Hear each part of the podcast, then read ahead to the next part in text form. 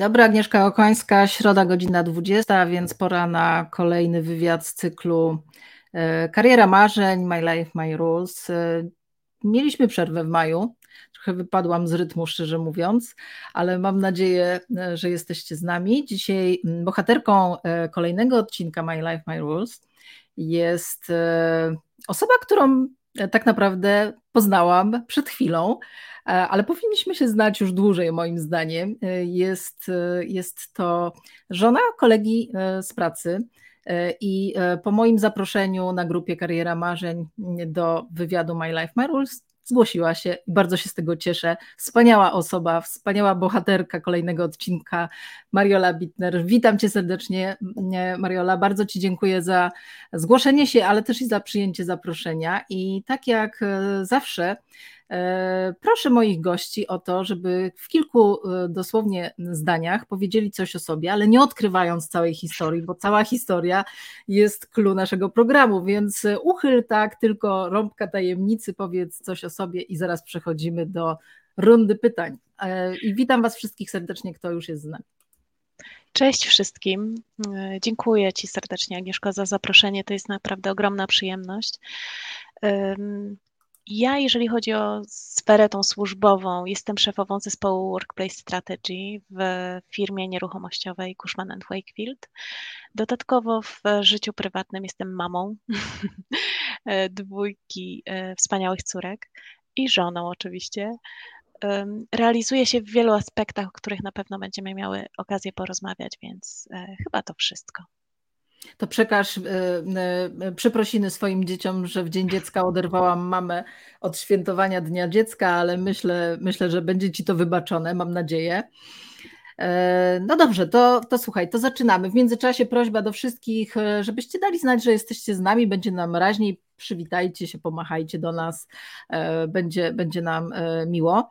E, zawsze zaczynam e, akurat ten cykl e, My Life, My Rules od takiego całkowitego początku. Każdego z moich gości pytam, jak od czasów takiego powiedzmy sobie dzieciństwa, gdzie nie jesteśmy skażeni żadnymi oczekiwaniami środowiska, e, aspiracjami kogoś innego, a nie naszymi własnymi.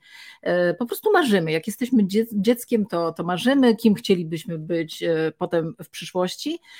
I to pytanie wcale nie jest takie banalne, dlatego że wielu psychologów mówi, a ty się zajmujesz też hobbystycznie psychologią, więc na pewno to wiesz, że w naszym dzieciństwie, w tych naszych marzeniach z, z czasów dzieciństwa, bardzo często te marzenia potem w dorosłym życiu, one, one się znowu odzywają, wracają do nas i bardzo często są takim przedmiotem naszych pasji. I, i jeżeli z nimi zgodnie nie postępujemy w życiu zawodowym czy, czy w edukacji, to one tak czy inaczej przyjdą po nas i, i zapukają e, o swoją uwagę. Więc chciałam spytać, jak to było z Tobą? Jak byłaś e, jak byłaś dzieckiem, to, to o czym marzyłaś? Jak cię ktoś pytał, Mariola, kim będziesz, jak będziesz dorosła, to co odpowiadałaś? E, bardzo chciałam być nauczycielką. E, uwielbiałam to, uwielbiałam chodzić w ogóle do szkoły. Byłam strasznym kujonem. I y, uwielbiałam to, w jaki sposób nauczyciele przekazują wiedzę. Niektórzy byli niesamowici i to było mhm. naprawdę bardzo fajne i na te przedmioty się super chodziło. I, I, bardzo chciałam po prostu taka być. E, chciałam, chciałam przekazywać faktycznie jakąś wartość e, i po prostu być z tymi, z tymi młodymi ludźmi. To było i wiesz co, ja cały czas to mam. Ja nie wiem, czy, czy tak mogę się przyznawać od razu. Uwielbiam w ogóle być z młodszymi osobami, mhm, z mhm. dziećmi, mm, z młodzieżą, z, ze studentami. Oni mi dają zupełnie inną energię i taką, wiesz co, kreatywność, takie podejście e, bezproblemowe często, bez oceniania, co jest bardzo ważne. To jest super. No tak trochę odpowiadasz już na moje drugie pytanie, czy właśnie z tych marzeń e, mm, w jakiś sposób e, coś zostało e, z tobą do dzisiaj, czy w jakiś sposób realizujesz e, to by, bycie takim, powiedzmy sobie kolokwialnie albo realnie nauczycielem? Czy, czy, czy masz coś e, z tego w swoim życiu zawodowym? Jak najbardziej. Prowadzę warsztaty dla moich klientów i mhm. e, uwielbiam to. Uwielbiam obserwować, jak ludzie w czasie tych warsztatów się zmieniają. I wiesz, jak przychodzą, najczęściej to są bardzo trudne warsztaty, bo związane z, przypuśćmy, pracą hybrydową, zmianą mhm. zachowań, zarządzaniem zmianą. Więc to są, to są takie rzeczy, które bardzo dotykają nas osobiście mhm. i, i są dla nich trudne. Więc oni zmieniają się w czasie tego warsztatu. Na początku przychodzą zamknięci, zupełnie odizolowani od, e, od przestrzeni, nie chcą rozmawiać albo bardzo na nie. Mhm. E, a potem po prostu się zmieniają i to jest niezwykłe. Uwielbiam to w ogóle w tym w warsztatach i w ogóle w prowadzeniu takich spotkań. Bardzo lubię też prezentacje. Czyli lubię faktycznie, dlatego że otrzymuję niesamowitą energię od tych ludzi, którzy są, mhm. obserwują, często proszę ich o jakieś uwagi, o, o interakcję w czasie takich prezentacji. E, pomagam też młodym ludziom. E, jestem coachem, jestem coachem też u nas e, w firmie poprzedniej byłam w programie i byłam coachem dla osób z mojej firmy, a teraz jestem takim niepisanym trochę w mhm. tej mhm. firmie. Czyli dużo osób przychodzi do mnie i rozmawiamy, czyli to jest i od strony takiej mentoringowej i coachingowej, w zależności od potrzeb tak naprawdę.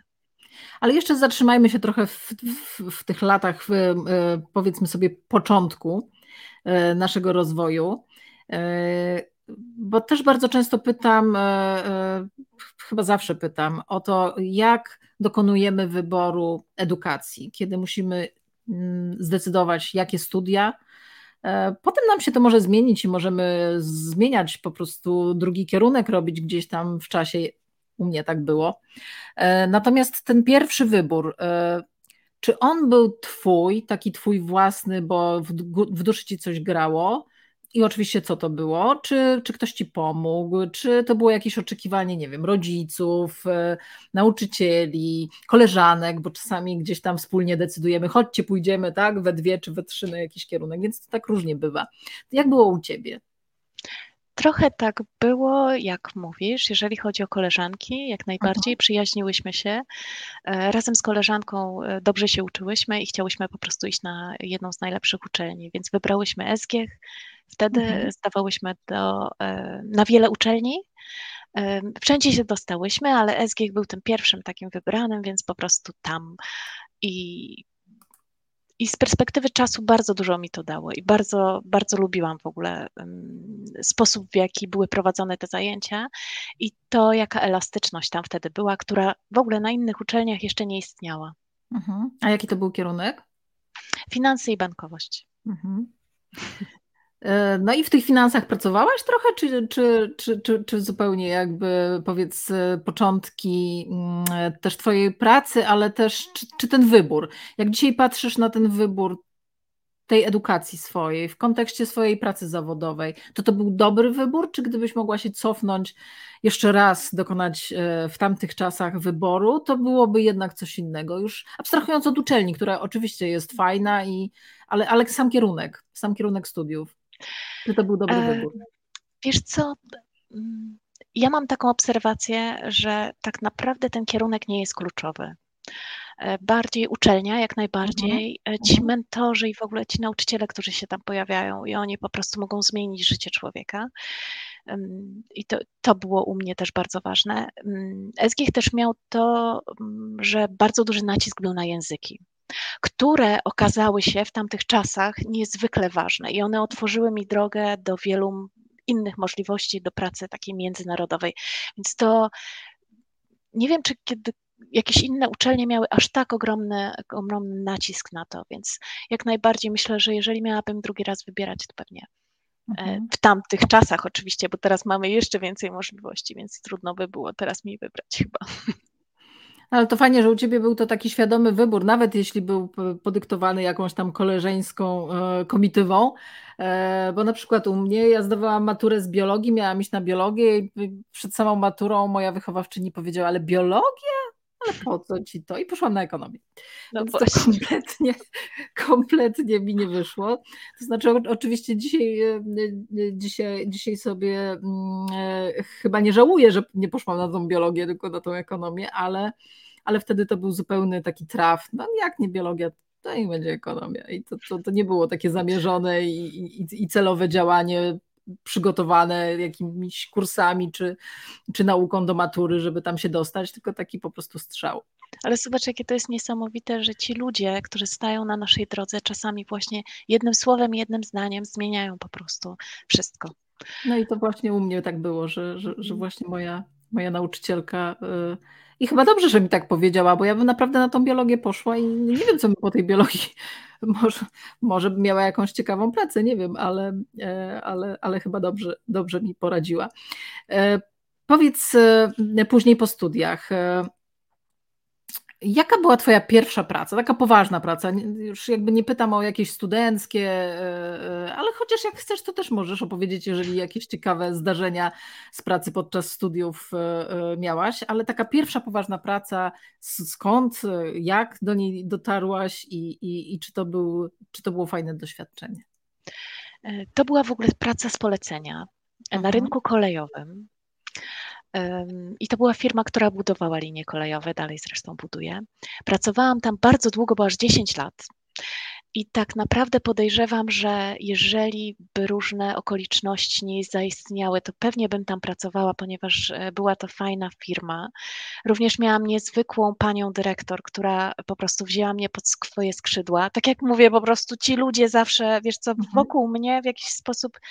Um, otwierali niepisany, mi rzeczy. Niepisany mentoring po prostu. Tak, to jest niesamowite, ale mm, wiesz co, też zauważyłam, że jeżeli właśnie się jest otwartym też na to, żeby, mhm. żeby otrzymywać i feedback i w ogóle wsparcie i chcieć, no to wtedy naprawdę można dużo. Więc ona, ona mnie uczyła, e, przekazywała mi wszystko, opowiadała, też e, była odważna, dlatego że miała, czuła, wiesz, swoją wartość, mhm. że jakaś e, gówniara, która przychodzi, bo wtedy byłam bardzo młoda, jakby nie przeszkodzi jej, nie, nie, nie będzie problemem, tylko mhm. no to było niezwykłe, naprawdę. Więc tam byłam bardzo długo, potem tak naprawdę dostałam propozycję awansu, ale z uwagi na różne okoliczności, również ludzi, okazało się, że mogę, mogę przejść do innej firmy.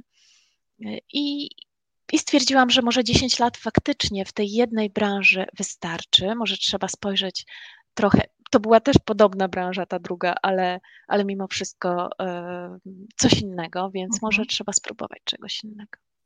Ale fajnie powiedziałaś o tym, że, że właśnie ta twoja mm, taka mentorka też nie miała obawy, że ucząc cię czegoś, e, buduje dla siebie konkurencję, bo niestety mamy do czynienia zawsze w, na, w naszej e, ścieżce rozwoju, w naszych firmach, e, dwa rodzaje tak naprawdę liderów. Oczywiście są różne hybrydy, są różne miksy, ale to są dwa rodzaje liderów czy, czy menadżerów. Takich, którzy swoją wielkość budują wielkością swoich ludzi i po prostu ich promują, e, wyciągają, pomagają e, i wiedzą, że jak e, pracownicy będą się rozwijać, to oni jako liderzy, jako menedżerowie też będą z tego czerpać korzyść. I są tacy, niestety, i wcale nie jest ich mało, którzy pracą swoich ludzi budują tylko i wyłącznie swoją pozycję, ale niestety od takich albo stety najszybciej pracownicy uciekają. E, ale tacy są, tacy są i, i ja na, w swoim życiu też takich spotkałam, którzy, którzy po prostu, zresztą kiedyś mieliśmy w którymś z wywiadów takie pytanie nawet e, tutaj od osób nas oglądających, co zrobić, jeżeli mamy lidera, który kradnie nasze pomysły, nasze sukcesy, na, na, na nasze projekty, które realizujemy i po prostu sprzedaje je gdzieś wyżej jako własne i i pracownicy mają bardzo często takie sytuacje, mają takich menadżerów, e, którzy, którzy właśnie w ten sposób postępują. Więc jakby ja dzielę na dwie kategorie. Takich, którzy naprawdę swoją wielkość budują wielkością swoich ludzi i, i oczywiście ich e, ich traktuje jako, jako wzór do naśladowania i, i, myślę, że, że tak właśnie trzeba postępować. A powiedz, czy w międzyczasie E, już po ukończeniu tych, tych głównych swoich studiów, czy miałaś taką potrzebę, czy masz ją może nadal, żeby cały czas się rozwijać, dokształcać, nie wiem, jakieś studia podyplomowe, bo, e, Bo ja na przykład, e, jak patrzę na, na, na, siebie, to chyba nigdy nie przestałam się uczyć i myślę, że to jest bardzo dobre dla nas, dla naszego mózgu, żeby się nie zestarzał. Ale są tacy, którzy uważają, ale po co mi to? No przecież już coś tam skończyłem, teraz robię swoje i jest dobrze, tak jak jest, i nie trzeba nic więcej. Jakim typem ty jesteś, powiedz? Znaczy, ja podejrzewam, jakim jesteś. Nie no, uwielbiam, uwielbiam w ogóle się uczyć. Zawsze właśnie próbuję wszystkiego. Um, mam obsesję na punkcie języków, uwielbiam po prostu mhm. się uczyć języków. Um, uwielbiam otwierać wszystko, co mogę. E, jak byłam w ogóle na rynku kolejowym, to wtedy stwierdziłam, że no nie wiem o tym nic, tak z perspektywy bardzo, e, to znaczy tylko praktycznej, chciałabym się czegoś więcej dowiedzieć, więc wtedy poszłam na podyplomowe studia. Mhm, Tam poznałam mhm. bardzo dużo ludzi, więc one dały mi też bardzo dużo różnych ciekawych, ciekawych przygód, które były bardzo wartościowe. E, potem nie tyle chodziło mi o studia, tylko bardziej e, szkolenia, ale mm, tak jak rozmawiałyśmy jeszcze przed tym, przez, przed chwilę, przez chwilę przed wywiadem, to były szkolenia takie bardziej um, na case'ach, czyli na, e, z doświadczenia, a nie typowe wykłady, bo e, ja uczę się robiąc coś. Nie umiem po prostu przeczytać książki, to mi za mało daje. Jeżeli zastosuję tę wiedzę, to tak, ja ją zapamiętam na zawsze i nawet mam e, wiele z tego radości ale mhm. jeżeli miałabym tylko po prostu słuchać kogoś, e, to, to byłoby bez sensu. Mhm. A jak patrzysz na takie właśnie e, kursy, szkolenia czy, czy, czy studia podyplomowe w, w takiej, mm, z takiej perspektywy networkingu? Bo na przykład wiele osób mnie pyta o e, studia MBA, czy warto, czy nie. I Oczywiście, jeżeli ktoś nie ma kompletnie wykształcenia związanego z zarządzaniem, z ekonomią, no, no, zupełnie jakby skrajnie gdzieś tam e, bardzo, bardzo specyficzne wykształcenie, trochę innego typu, no to takie studia MBA na przykład u, u układają tą wiedzę e, ogólną, mhm. ale moim zdaniem na przykład studia MBA albo studia podyplomowe w takim wieku już, gdzie jesteśmy już na jakimś etapie kariery zawodowej, dają więcej mm, e, efektu pozytywnego z networkingu, z poznania ludzi z innej branży, z wymiany doświadczeń, jak to się robi to samo po prostu w innych branżach, niż sama taka teoria przekazywana na, na, na, na, na zajęciach. E, a jakie są Twoje, powiedz, doświadczenia z takiego networkingu wyciąganego z takich szkoleń? Jak najbardziej się zgadzam.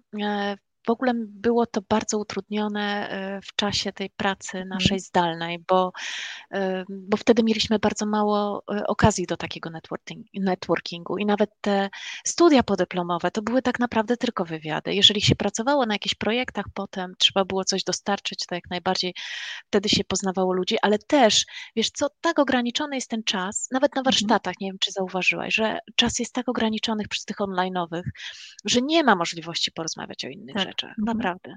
Teraz e, w bardzo fajnym byłam projekcie takim międzynarodowym mm, u nas w firmie, jeżeli chodzi, to był, to był taki warsztat sprzedażowy, ale on, mm, co zaskakujące, trwał ponad rok i to było non-stop powtarzanie tego samego z różnych stron, na case'ach naszych mhm. i najwartościowsze tam było właśnie to, że uczyliśmy się od siebie różnego podejścia, jak jest w Meksyku, jak jest w Stanach, jak jest no, w różnych, e, w różnych częściach świata, w Tokio, jak się rozwiązuje takie mhm, sprawy i mhm. jak, jakie jest kulturowe podejście.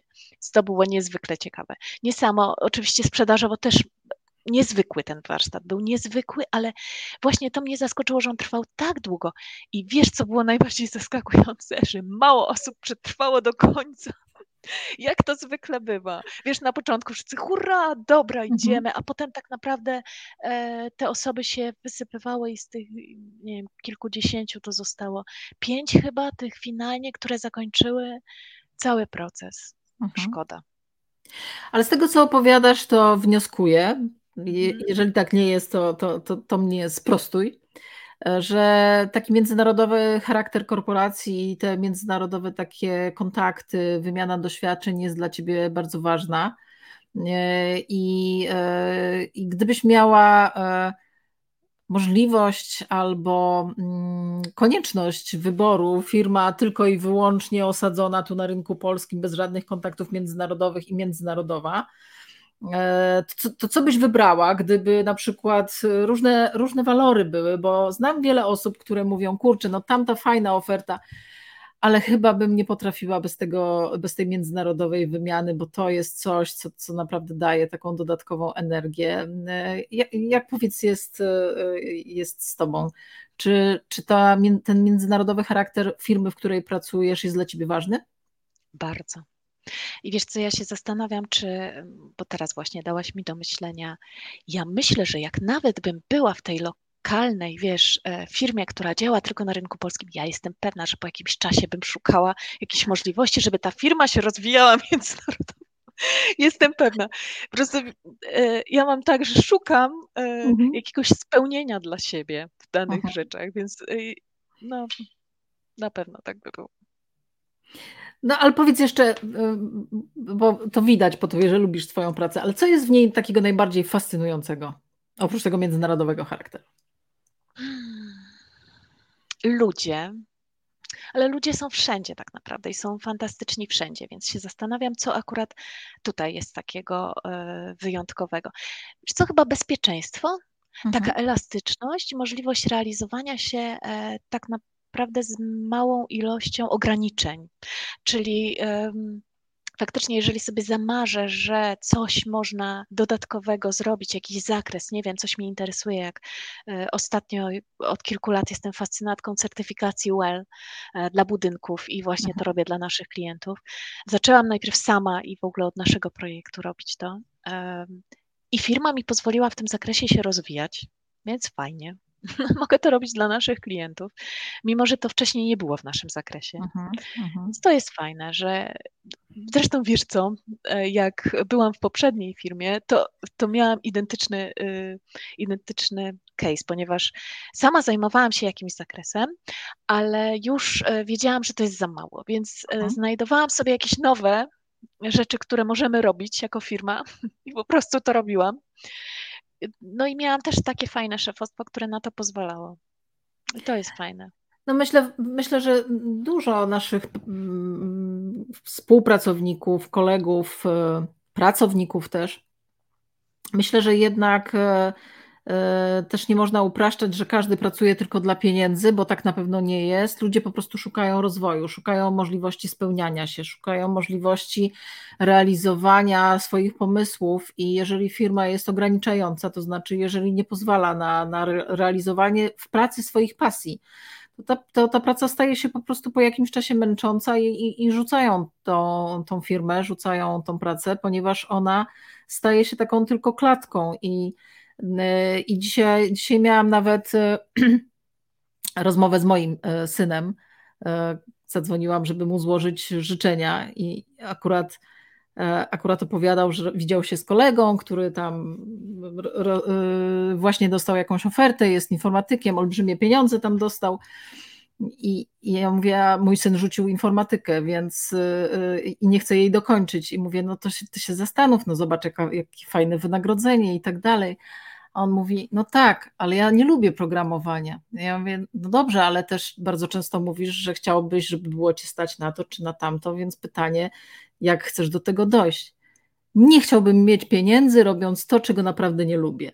I to jest dla mnie też taki obraz, e, jak ludzie po prostu myślą, też młodzi ludzie, no bo, bo to, to jest dwudziestokilkulatek, więc e, myślę, że to jest bardzo ważne, żebyśmy my jako liderzy, jako menedżerowie też e, patrzyli na to, że ludzie po prostu chcą lubić pracować, bo spędzamy w pracy bardzo dużo czasu. Gdyby odjąć godziny na sen, no to to jest nasza przeważająca część aktywności naszej życiowej, więc y, to po prostu trzeba mieć powód, dla którego się rano wstaje z łóżka i idzie do tej pracy. Trzeba po prostu lubić to, co się robi.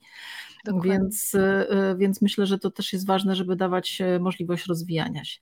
No nie Wspomniałaś się, że wcześniej, mhm. proszę, proszę. Się, że w ogóle wcześniej było trochę inaczej, że my się bardziej dostosowywaliśmy, ja mówię o sobie oczywiście, że bardziej dostosowywałam się do danej firmy, niż mhm. firma do mnie, a teraz jest odwrotnie. Teraz my bardziej e, próbujemy dostosować się do naszych ludzi, jakby zapewnić im mhm. e, mhm. ich, nie wiem, spełnić ich wartości, czy w jakiś sposób im pomóc, e, czy, czy właśnie dać poczucie bezpieczeństwa. Zupełnie inaczej się zaczęło myśleć, więc to jest fajna zmiana. Słuchaj, trochę bym chciała na grunt Twoich zawodowych doświadczeń przejść, e, tym, co się zajmujesz w, w tej chwili. Powiedz, e, jesteśmy po dwóch latach e, całkowitego, całkowitej rewolucji, bym powiedziała, w stylu pracy po pandemii. Nazywam to, przeszliśmy szybki kurs dojrzewania technologicznego, bo nikt przed pandemią nie wyobrażał sobie, żeby nie wiem, urzędy pracowały zdalnie, e, albo, albo żeby jakieś takie przyziemne czynności można było robić. Firmy, nawet bardzo zaawansowane firmy, które kiedyś ćwiczyły pracę zdalną, e, nie wiem, czy to nie robił IBM, czy, czy HP, takie doświadczenie, że zupełnie e, praca zdalna i, i też po jakimś czasie stwierdzili, że nie, jednak ten duch zespołu. Powiedz, jak te, te nieruchomości takie komercyjne, jaką rewolucję przeszły przez ten okres pandemii? Co się zmieniło? Czy się nic nie zmieniło? Czy, czy się dużo zmieniło? Powiedz, co się wydarzyło w tej, w tej branży? Ojejku, to jest tak szeroki temat, że można godzinami, więc ja może tak. Mamy czas. E, Przede wszystkim, e, tak jak e, wspomniałam, się zmieniło podejście do ludzi.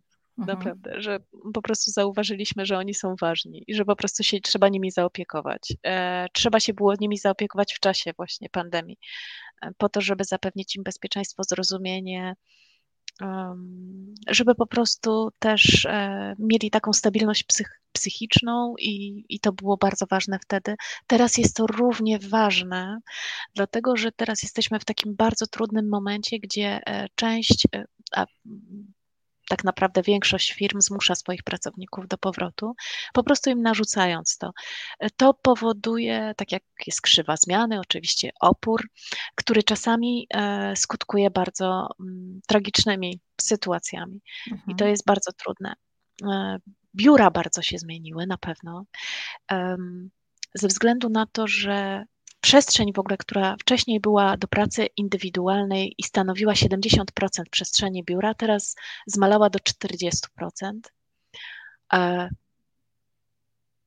nawet e, jeszcze jeżeli chodzi o takie kolaboracje, czyli e, miejsca, gdzie możemy się spotykać, wymieniać myśli, czyli pokoje spotkań, e, to z 25 chyba do 45 wzrosło, czyli idziemy w tą stronę kolaboracji, mhm. współpracy, a well-being, który kiedyś stanowił w ogóle 5% i to były jakieś piłkarzyki na przykład, mhm.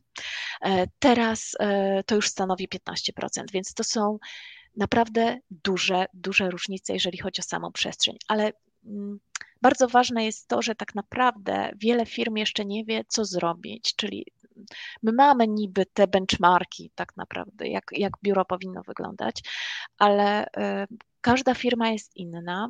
Mm, można oczywiście je podzielić na na jakąś farmację, y, tak, legal, y, nieruchomości, nie wiem, mhm, mhm. ale mimo wszystko tam są ludzie i, i sytuacje tych ludzi są bardzo różne. Część ludzi w ogóle powyjeżdżało poza miasta, osiedliło się w swoich e, miejscowościach, tych, z których pochodzą mm, i dalej chcą pracować w danej firmie, która na przykład się mieści w Warszawie, więc, e, więc dużo większa jest potrzebna elastyczność, jeżeli chodzi o przestrzenie biurowe i dużo większa elastyczność, jeżeli chodzi o w ogóle podejście polityki, procedury.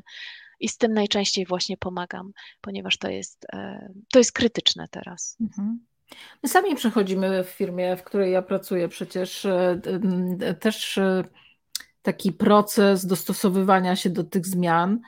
E, też wypracowaliśmy sobie oczywiście jakieś zasady, które testujemy aktualnie, ale to nie jest proste, tak? Nie jest proste, żeby po pierwsze nie pójść za bardzo w tą elastyczność, żeby jednak ta firma tą E, tą e, zwięzłość zatrzymała i ten duch zespołu, żeby był, żeby ci ludzie tak, tak naprawdę się nie rozpierzchli.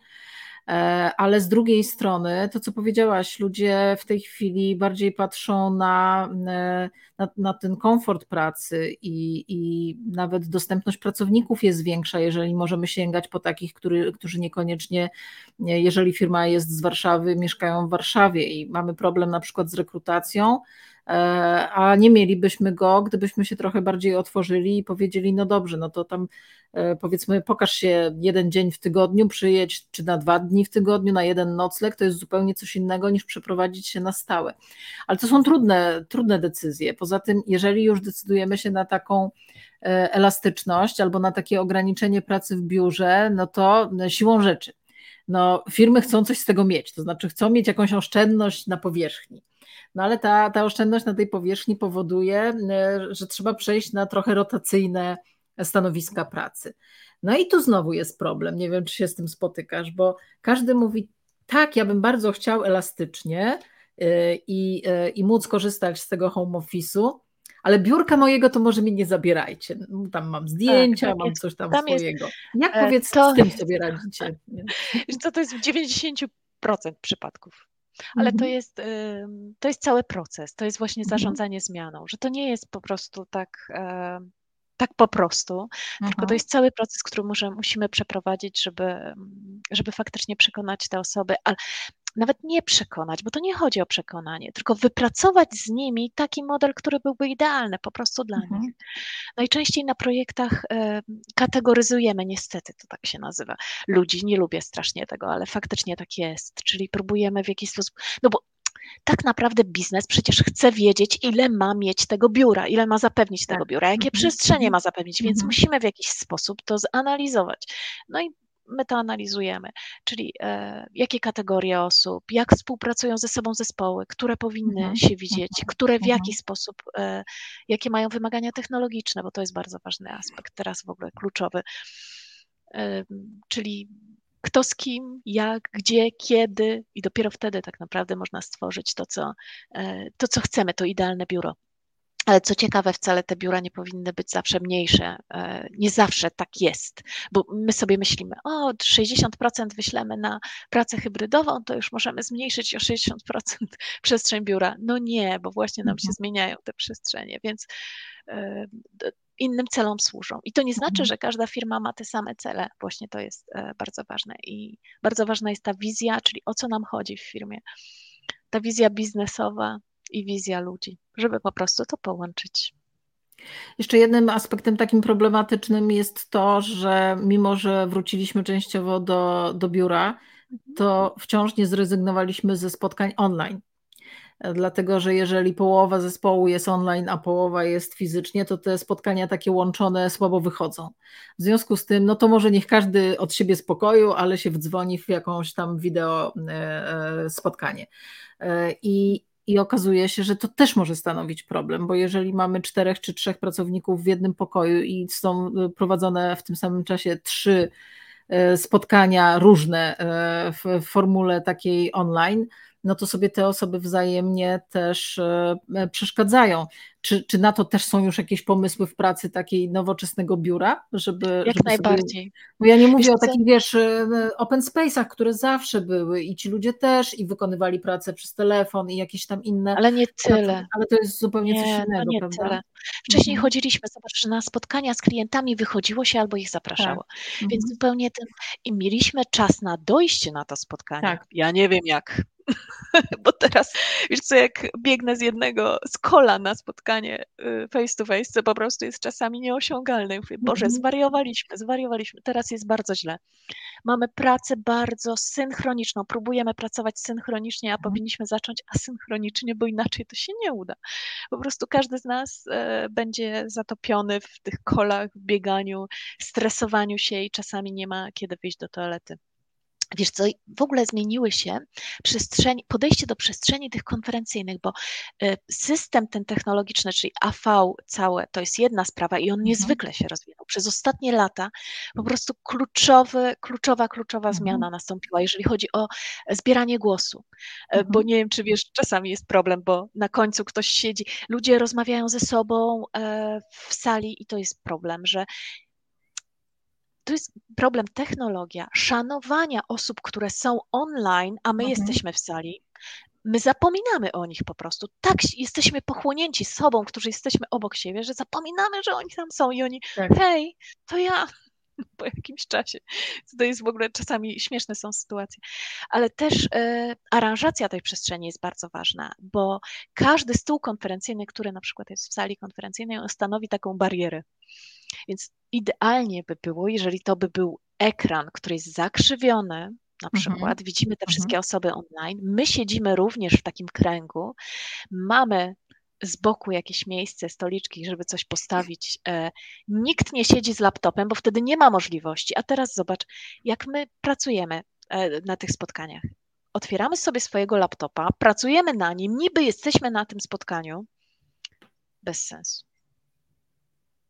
Jeszcze o ile mamy włączone kamery, to, to, to, to, to, to, jeszcze jest jakaś interakcja, bo nawet jeżeli coś tam robisz sobie w tle, to zwracasz uwagę na to, żeby żeby już tak ewidentnie nie pokazywać, że nie jesteś duszą ani ciałem na tym spotkaniu, tylko po prostu robisz coś innego. Ale jest niestety y, nadal wiele osób, które nie włączają kamer na, na spotkaniach online i, i ty tak naprawdę nie wiesz, co tam się dzieje po drugiej stronie.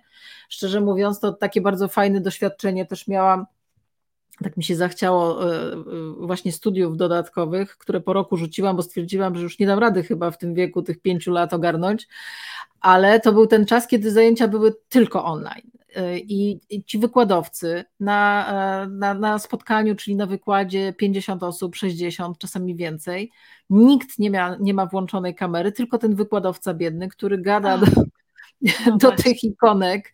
E, I, I stwierdziłam, czasami to, to, to powiedzmy sobie już też e, w pewnym wieku już e, ci wykładowcy. I tak e, ja, ja byłam naprawdę pełna podziwu dla nich, jak oni dają radę tak emocjonalnie podchodzić do tych zajęć, prowadzić kilka godzin, czasami jeszcze, jeszcze na takich zaocznych studiach, które toczą się przecież w weekendy, e, od rana do wieczora, czasami do 20 siedzieć i gadać do, gdzie, gdzie nikt nawet kamery nie włączy, ani się tam nie aktywizuje, nie odpowiada na pytania, no to jest dramat. Moim zdaniem to, to dla takiej osoby prowadzącej takie spotkanie spotkanie musi być bardzo wyczerpujące emocjonalnie, e, albo, albo już po prostu przyzwyczajają się do tego i jest im wszystko no jedno, ale nie sądzę. Jednak ci wykładowcy lubią interakcje z tymi swoimi studentami, więc myślę, że to były trudne dwa lata dla tych wykładowców ale w momencie, kiedy pamiętam taką, to taka mała dygresja, e, takie zdarzenie, kiedy kiedy jedna z, z dziewczyn młodych, e, która, która prowadziła to jakieś tam zajęcia, warsztaty i, i wiedziała, że są tła wirtualne i że można sobie zmienić na, na tych Teamsach to tło wirtualne, to, to też się spotkała z taką, wiesz, z takim ostracyzmem, dlaczego ona sobie tło wirtualne zrobiła, więc to takie też zabawne rzeczy. E, ale, ale mimo wszystko, moim zdaniem, studenci na przykład też już oczekują, że te zajęcia będą w trybie hybrydowym, że to nie wróci na 100% wszystko do, do tych uczelni, e, bo jednak też możliwość, zwłaszcza to dla takich studentów pracujących, którzy tylko w weekendy, to jest dużo większa dostępność takiego studiowania. Nie wiem, czy tak. uczelnie, nie wiem, czy tym się interesujesz, nie wiem, czy uczelnie nadążają za tym trendem, ale moim zdaniem to też jest przyszłość. E, wiesz co, bardzo fajne są też rozwiązania, e, bo mówisz właśnie o tym hybry, hybrydzie, ale w ogóle jeżeli chodzi o, o te włączanie kamerek, e, teraz virtual reality, czyli my już teraz mamy szkolenia, zakładamy gogle, jesteśmy w domu, mhm. zakładamy gogle, jesteśmy awatarami, czyli sobie tworzymy tam jakiegoś awatara, możemy mieć fioletowe włosy i być mężczyzną na przykład, więc fajnie, fajnie, bo to jest taka zabawa. Mhm. I wchodzimy razem do jednego pokoju, który jest fajnie zaaranżowany. Jest to na przykład miejsce z kominkiem, e, z, za oknem góry. Wszyscy mhm. siadamy koło siebie, rozmawiamy, op, opracowujemy jakiś projekt, który jest wyświetlany jakby po środku stołu. Przypuśćmy, nie wiem, pracujemy nad samochodem. Więc ten samochód jest e, wyświetlany, my go omawiamy, pokazujemy, możemy coś pisać. No, to jest mega fajne. Niestety mm, na razie jest e, mało stosowane, bo nie da się za długo być w tych okularach, czyli jest to bardzo męczące w ogóle dla wzroku i one są bardzo ciężkie, więc mm, faktycznie może boleć głowa po pewnym czasie, ale fajne, fajne narzędzie do szkoleń, w ogóle, mhm. bo jest to taki, takie narzędzie na case'ie, czyli mhm. też e, tak samo, nie wiem, e, my mieliśmy na przykład e, szkolenie z trudnych rozmów, więc wkładasz te okulary, jesteś w domu i wchodzisz do pokoju w biurze, gdzie prawdziwa osoba siada naprzeciwko i rozmawiacie. No, mega, mega Technologia przyszłości. Myślę, no że tak świat będzie wyglądał. Dokładnie. Jest z nami Maciek. Maciek, mam nadzieję, że słuchasz i coś z tego do naszej firmy wciągniesz. E, jeśli mogłabyś e, e, powiedzieć o projektach, które realizowałaś albo realizujesz, w trakcie jesteś, to taki najbardziej fascynujący projekt, jaki w życiu prowadziłaś, to co to by było? Jeśli możesz rzeczywiście się podzielić, bo czasami to są takie projekty, o których nie możemy rozmawiać, ale jeśli to jest coś takiego, o czym mogłabyś, e, nie zdradzając zbyt wiele szczegółów handlowych, powiedzieć, najbardziej taki, który, który utkwił w tobie. To chyba wszystkie projekty, które realizowałam dla e, Shella. E, mhm. ponieważ ja odpowiadałam za te ich projekty w Europie, więc one były mhm. międzynarodowe. I, I, to było niesamowite, bo były różne kultury, różne wymagania, różne podejścia do projektowania w ogóle wnętrz, różne regulacje prawne. I to było niesamowite. I zawsze ta właśnie różnorodność jest dla mnie najfajniejsza chyba w mhm. projektach. I wszystkie projekty, które zawierały w sobie jakąś dawkę właśnie taką um, innego podejścia były fajne. Mhm. E, miałam też projekt, który dotyczył diversity, który jest teraz bardzo, e, bardzo ważnym tematem. I e, w ogóle tworzenie biur dla osób zróżnicowanych. I nie chodzi mi, wiesz, o, o przekonania, płeć, tylko o to, w jaki sposób odbieramy przestrzeń. To jest w ogóle mhm. przysz, przyszłość. Mhm. To jakie materiały, jakie światło, e, mhm. jak jest rozwiązana akustyka, e, jak, jakie te przestrzenie muszą być dla, e, dla, danych, dla danych osób, ich dostępność. No, to jest po prostu temat rzeka, to mogę też godzinami. Nie będę może godzinami, ale uwielbiam ten temat i, i takie projekty jeszcze też, które realizuję, one mi dużo dają satysfakcji, bo w ogóle osoby i te, te, te wrażliwe i, te, i to zróżnicowanie neurologiczne i podejścia naszego do, -huh. do różnych rzeczy i do różnych przestrzeni jest niezwykłe i to jest po prostu... Hmm coś fajnego i myślę, że must have teraz, bo teraz w ogóle te osoby i autystyczne, i z jakimiś problemami różnymi, bo autyzm jest tylko jedną, jedną jakąś cząsteczką tego, tego naszego zróżnicowania. Otwiera się po prostu ten rynek dla nich i to jest bardzo, bardzo, bardzo ważne, żebyśmy po prostu ich umieli dostrzec, a oni najczęściej w tej pierwszej, e, w tym pierwszym momencie, kiedy jest e, rozmowa kwalifikacyjna, kiedy w ogóle jest rekrutacja, oni najczęściej odpadają, bo po prostu ich nie zauważamy. Uważamy, że oni są tak inni, że nie pasują do, naszej, mhm. E, do naszego zespołu. A są mega wartościowymi i trzeba po prostu na nich zwrócić uwagę.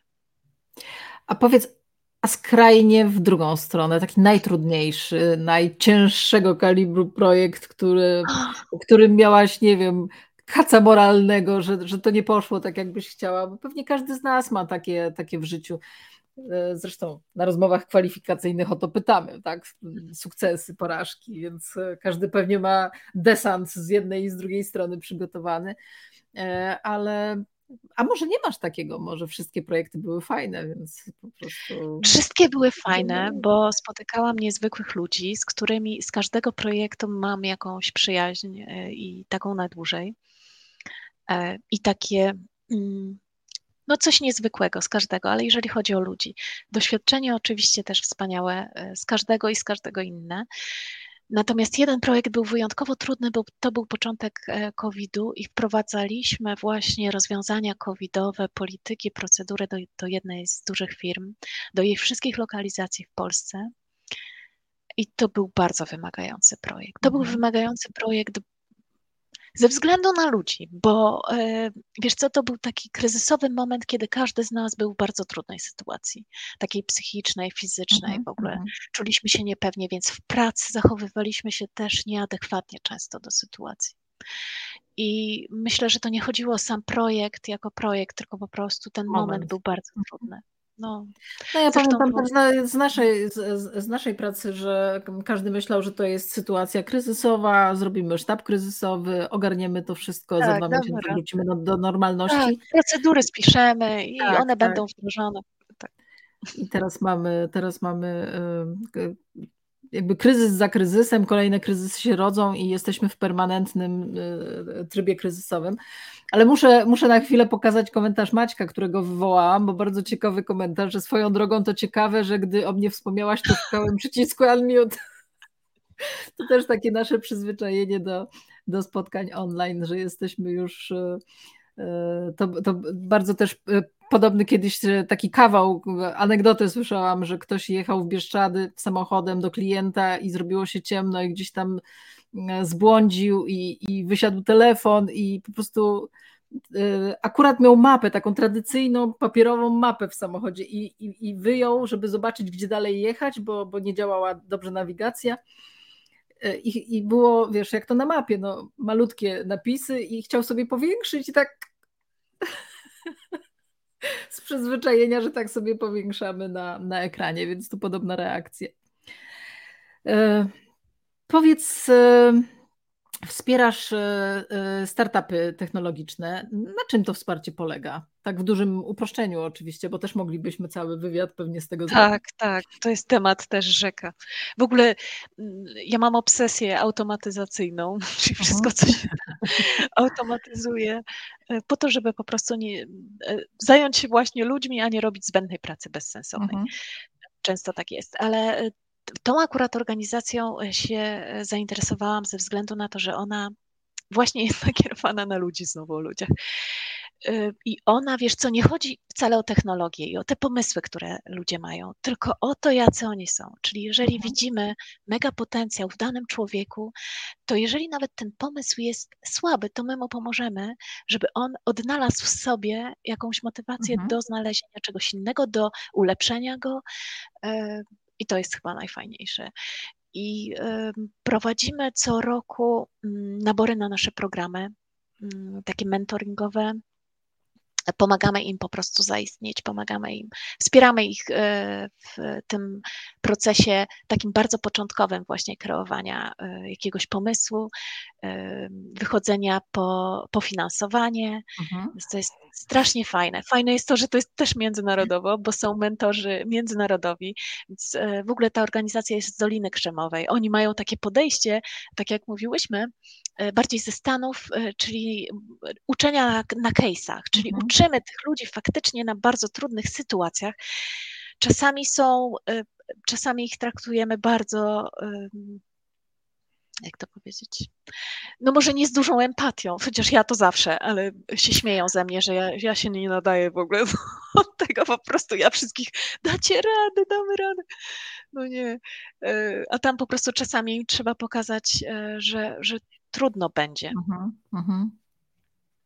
No bo jest mnóstwo genialnych pomysłów, tylko e, problem w tym, że od pomysłu do realizacji potem trzeba przejść do etapu monetyzacji. To znaczy po prostu Dokładnie. każdy, kto zainwestuje w taki startup, nie robi tego z miłości do rozwoju technologii, tylko umówmy się, robi to z pobudek inwestycyjnych przeważnie.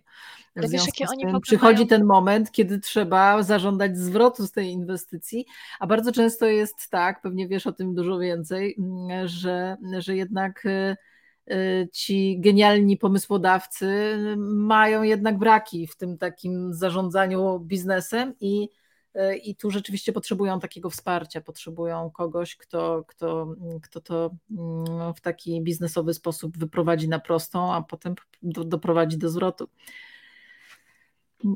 Jeszcze bym chciała, jeszcze mamy chwilę, e, bo o, o ludziach mówiliśmy dużo. To jedna z Twoich takich, powiedzmy sobie, miłości to ludzie, ale też projektowanie. E, powiedz, co projektujesz i, i kiedy w ogóle?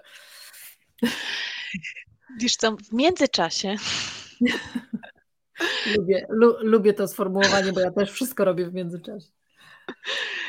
Wiesz co, ale to czasami naprawdę, bo jadę gdzieś, najczęściej tak jest, że po prostu jadę gdzieś do rodziny, oni mówią, słuchaj, ma, mamy taki taki problem, więc wtedy siadamy, szybko ogarniamy daną mhm. rzecz, czasami siedzę po prostu e, i to robię, jeszcze dodatkowo potem. I to przede wszystkim mieszkania, ale mhm. tak jak, wiesz co, się zastanawiałam w ogóle nad tym wywiadem i, i w ogóle tak myślałam o sobie dużo, ostatnio e, przed tym wywiadem, że tak naprawdę to chyba wszystko to, co w ogóle robię, jeżeli chodzi wiesz, o projektowanie i wszystko, e, wszystko wokół, to jest skupione na tym, że bardzo lubię piękno ogólnie. Mhm. I bardzo jest ważne dla mnie, jak e, co mnie otacza i co tworzę, i nawet to jest śmieszne, ale jeżeli tworzę prezentację jakąkolwiek, to ona po prostu musi być piękna. Dlatego, że to mi daje power do jej robienia. Mhm. To jest śmieszne, ale czyli wszystko, co robię, musi mieć jakiś taki, wiesz, element, żebym, żebym chciała to robić. I, i to jest właśnie to piękno chyba. Chciałabym taką twoją prezentację zobaczyć, ja zainteresowałaś. Małą prezentacyjną, słuchaj, mój mąż się ze mnie śmieje, ale wiesz, co, co jest jeszcze zaskakujące, że moje dzieci, patrząc na to, co ja robię, i bo, bo tam wymyślałam różne tule, jakieś tak, żeby to było ciekawsze, że tutaj mhm będziemy działać, to y, moje dzieci przez to, że to widzą i widzą, jak ja się po prostu tym fascynuję, czasami je zapraszam, zobaczcie, słuchajcie, czy to pasuje, a w ogóle ten kolor, ten kształt, mhm. czy, czy do tego tematu, a to one potem siadają i jedna z moich córek, ona wszystko robi na prezentacjach, ona do szkoły robi prezentacje i ona robi bardzo dobrze sama, w ogóle, dwunastolatka, siada i, i też ma z tego fan bardziej z tego robienia niż, niż nawet z tego, Zaraziłaś po prostu, zaraziłaś, ale myślę, że dobrą kompetencją, bo jednak e, no, być może nie wszystkie szkoły, pewnie jest już dużo szkół, które podążają za duchem czasu, ale niestety jednak duża większość szkół kompletnie tych młodych ludzi nie przygotowuje do, do, do życia takiego po szkole, po prostu zawodowego, biznesowego. Y, I, I moim zdaniem to trochę rola nas, rodziców, żeby, żeby przejąć tą inicjatywę i wyśmienicie, słuchaj, ci idzie. E, to jeszcze jedna, jedna pasja, psychologia. No to jest wokół ludzi. To, to wokół ludzi, to wiem, to ale. Ludzi. Ale to też taka, taka potrzeba, żeby zgłębiania tego po prostu mhm. gdzieś tam urodziła się w tobie. Wiesz co, bo ja mm, zawsze e, starałam się nie oceniać e, nikogo i, i staram się w życiu mhm. nie oceniać. To jest w ogóle moja najważniejsze e, w moim życiu. I starałam się zawsze zrozumieć dlaczego. Dlaczego ktoś tak postępuje, dlaczego tak się zachowuje. I też niektórzy się ze mnie śmieją, że ja tak wszystkich tłumaczę i w ogóle, ale po prostu my nigdy nie chcemy źle. I, I naprawdę nigdy nie jest tak, że ktoś po prostu jest złym człowiekiem. To wynika z różnych, z różnych rzeczy, które się wokół niego zadziały, e, które miały na niego wpływ. I to chyba trzeba rozumieć po prostu, żeby go zaakceptować. I po, mhm. dla mnie też najważniejsza jest po prostu ta totalna akceptacja każdego. E, I dawanie takiej, wiesz, czystej karty na samym początku. Czyli zawsze, e, zawsze daję im takie całkowite zaufanie każdemu, z kim się spotykam. No to jeszcze dwie pasje. Malujesz i piszesz.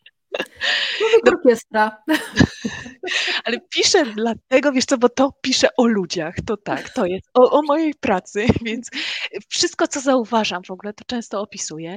Czasami to się przeradza potem w artykuły, jeżeli coś mnie zafascynuje, nie wiem, właśnie e, ta praca hybrydowa, która kilka lat temu była po prostu, już wcześniej wprowadzaliśmy tą pracę hybrydową, ale z różnej perspektywy psychologicznej, jak to w mhm. czasie COVID-u i tak dalej, to, to mnie mega, e, mega interesowało, więc o tym zaczęłam sobie pisać. Ale to część właśnie rzeczy jest później publikowana i faktycznie realizowane, a część, część po prostu dla siebie, tylko mhm. dla siebie. Mhm. A jeżeli chodzi o malowanie, to jest też to też ma jakieś mm, że tak powiem, odzwierciedlenie w mojej pracy, bo e, to nie chodzi o malowanie. Maluję oczywiście, maluję farbami olejnymi, ale to nie ma znaczenia, bo ja te moje jakby wizje świata i, i podejście realizuję właśnie w tych e, projektowaniu wnętrz, e, mhm w tym, że mogę fajną prezentację zrobić. Więc to nie chodzi, czym to robimy, tak naprawdę. I też, wiesz co, bym się nie, mm, jako młoda osoba, e, nigdy nie szufladkowałam się w jedną stronę, że będę malować i będę tylko malować obrazy. Nie, na przykład, tylko po prostu bardziej szeroko, że jeżeli tworzymy coś, to nie chodzi o tworzenie y, tylko obrazów, tylko tworzenie czegoś pięknego wokół siebie. Czy między ludźmi nawet, jeżeli chodzi o mhm. relacje, to po prostu jest tworzenie czegoś. To no i chyba tak o to chodzi. To słuchaj, ostatnie y, minuty zawsze poświęcam na pytanie My life, my rules. W Twoim wydaniu. Gdybyś miała skwitować dowód na tą zasadę w swoim życiu, to co to by było? No, przede wszystkim z takich moich zasad to jest e, nie oceniaj, tylko akceptuj. To jest bardzo ważne. E, I myślę sobie, że jeżeli chodzi o, o takie zasady, to jest fajny cytat e, jednego z moich mentorów, który, który mnie polecił do tej pracy, mhm. w której pracuję. On mi otworzył nie, niesamowite, niesamowitą ścieżkę i on mnie zapytał: Mariola, słuchaj, ty, ty chcesz jechać windą czy iść po schodach? Bardzo mi się to spodobało. I to po mhm. prostu jest y, takie kluczowe dla mnie, że ja zawsze biegnę po tych schodach y, czasami, y, tak, staram się, a potem sobie przypominam, Boże, dobra jest winda, to jedziemy windą. No i otwieranie, wiesz co, drzwi wszystkie, wszystkie po prostu ale to dzięki ludziom. Oni mi tak mhm. otwierają, uchylają mhm. i, ja do każdych zaglądam, w każde zaglądam, w każde wchodzę e, po prostu z takim, z pełną otwartością i takim poczuciem, e, przez to, że mam po prostu bezpieczny dom i, i to jest mega ważne, takie wiesz, poczucie bezpieczeństwa w domu, to mogę naprawdę ryzykować w pracy. Znaczy ryzykować, to nie jest takie totalne ryzyko, ale po prostu mam odwagę do tego. Uh -huh, uh -huh. Dobrnęłyśmy do końca, chociaż ja bym mogła jeszcze Ci zadać drugie tyle pytań. E, natomiast ceniąc czas e, i, i porę e, te, też osób, które są z nami, chciałam, chciałam podziękować Ci za ten wywiad.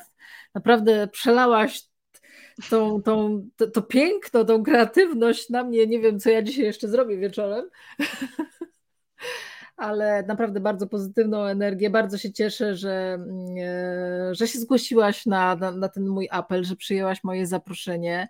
E, bardzo, bardzo ciekawa rozmowa, dla mnie bardzo inspirująca. Mam nadzieję, że dla tych, którzy nas oglądali, słuchali również. E, jak ktoś nie mógł być w trakcie online, to Zachęcam do oglądania retransmisji na YouTubie, albo na LinkedInie, albo na Facebooku, albo do posłuchania podcastu. Także y, macie, macie wiele możliwości, żeby, żeby nadrobić zaległości. Dziękuję wszystkim, którzy, którzy też z nami byli, bo było sporo osób. E, no i cóż, e, naprawdę bardzo, bardzo Ci dziękuję za bardzo inspirującą rozmowę i myślę, myślę że pozytywnej energii nam dodałaś wszystkim na, na koniec dnia. Także dzięki Ci bardzo.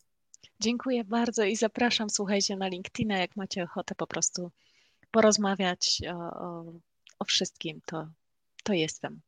Dziękuję jeszcze raz. Do zobaczenia, myślę, w następną środę. Mam nadzieję, że już takich długich przerw jak w maju nie będzie.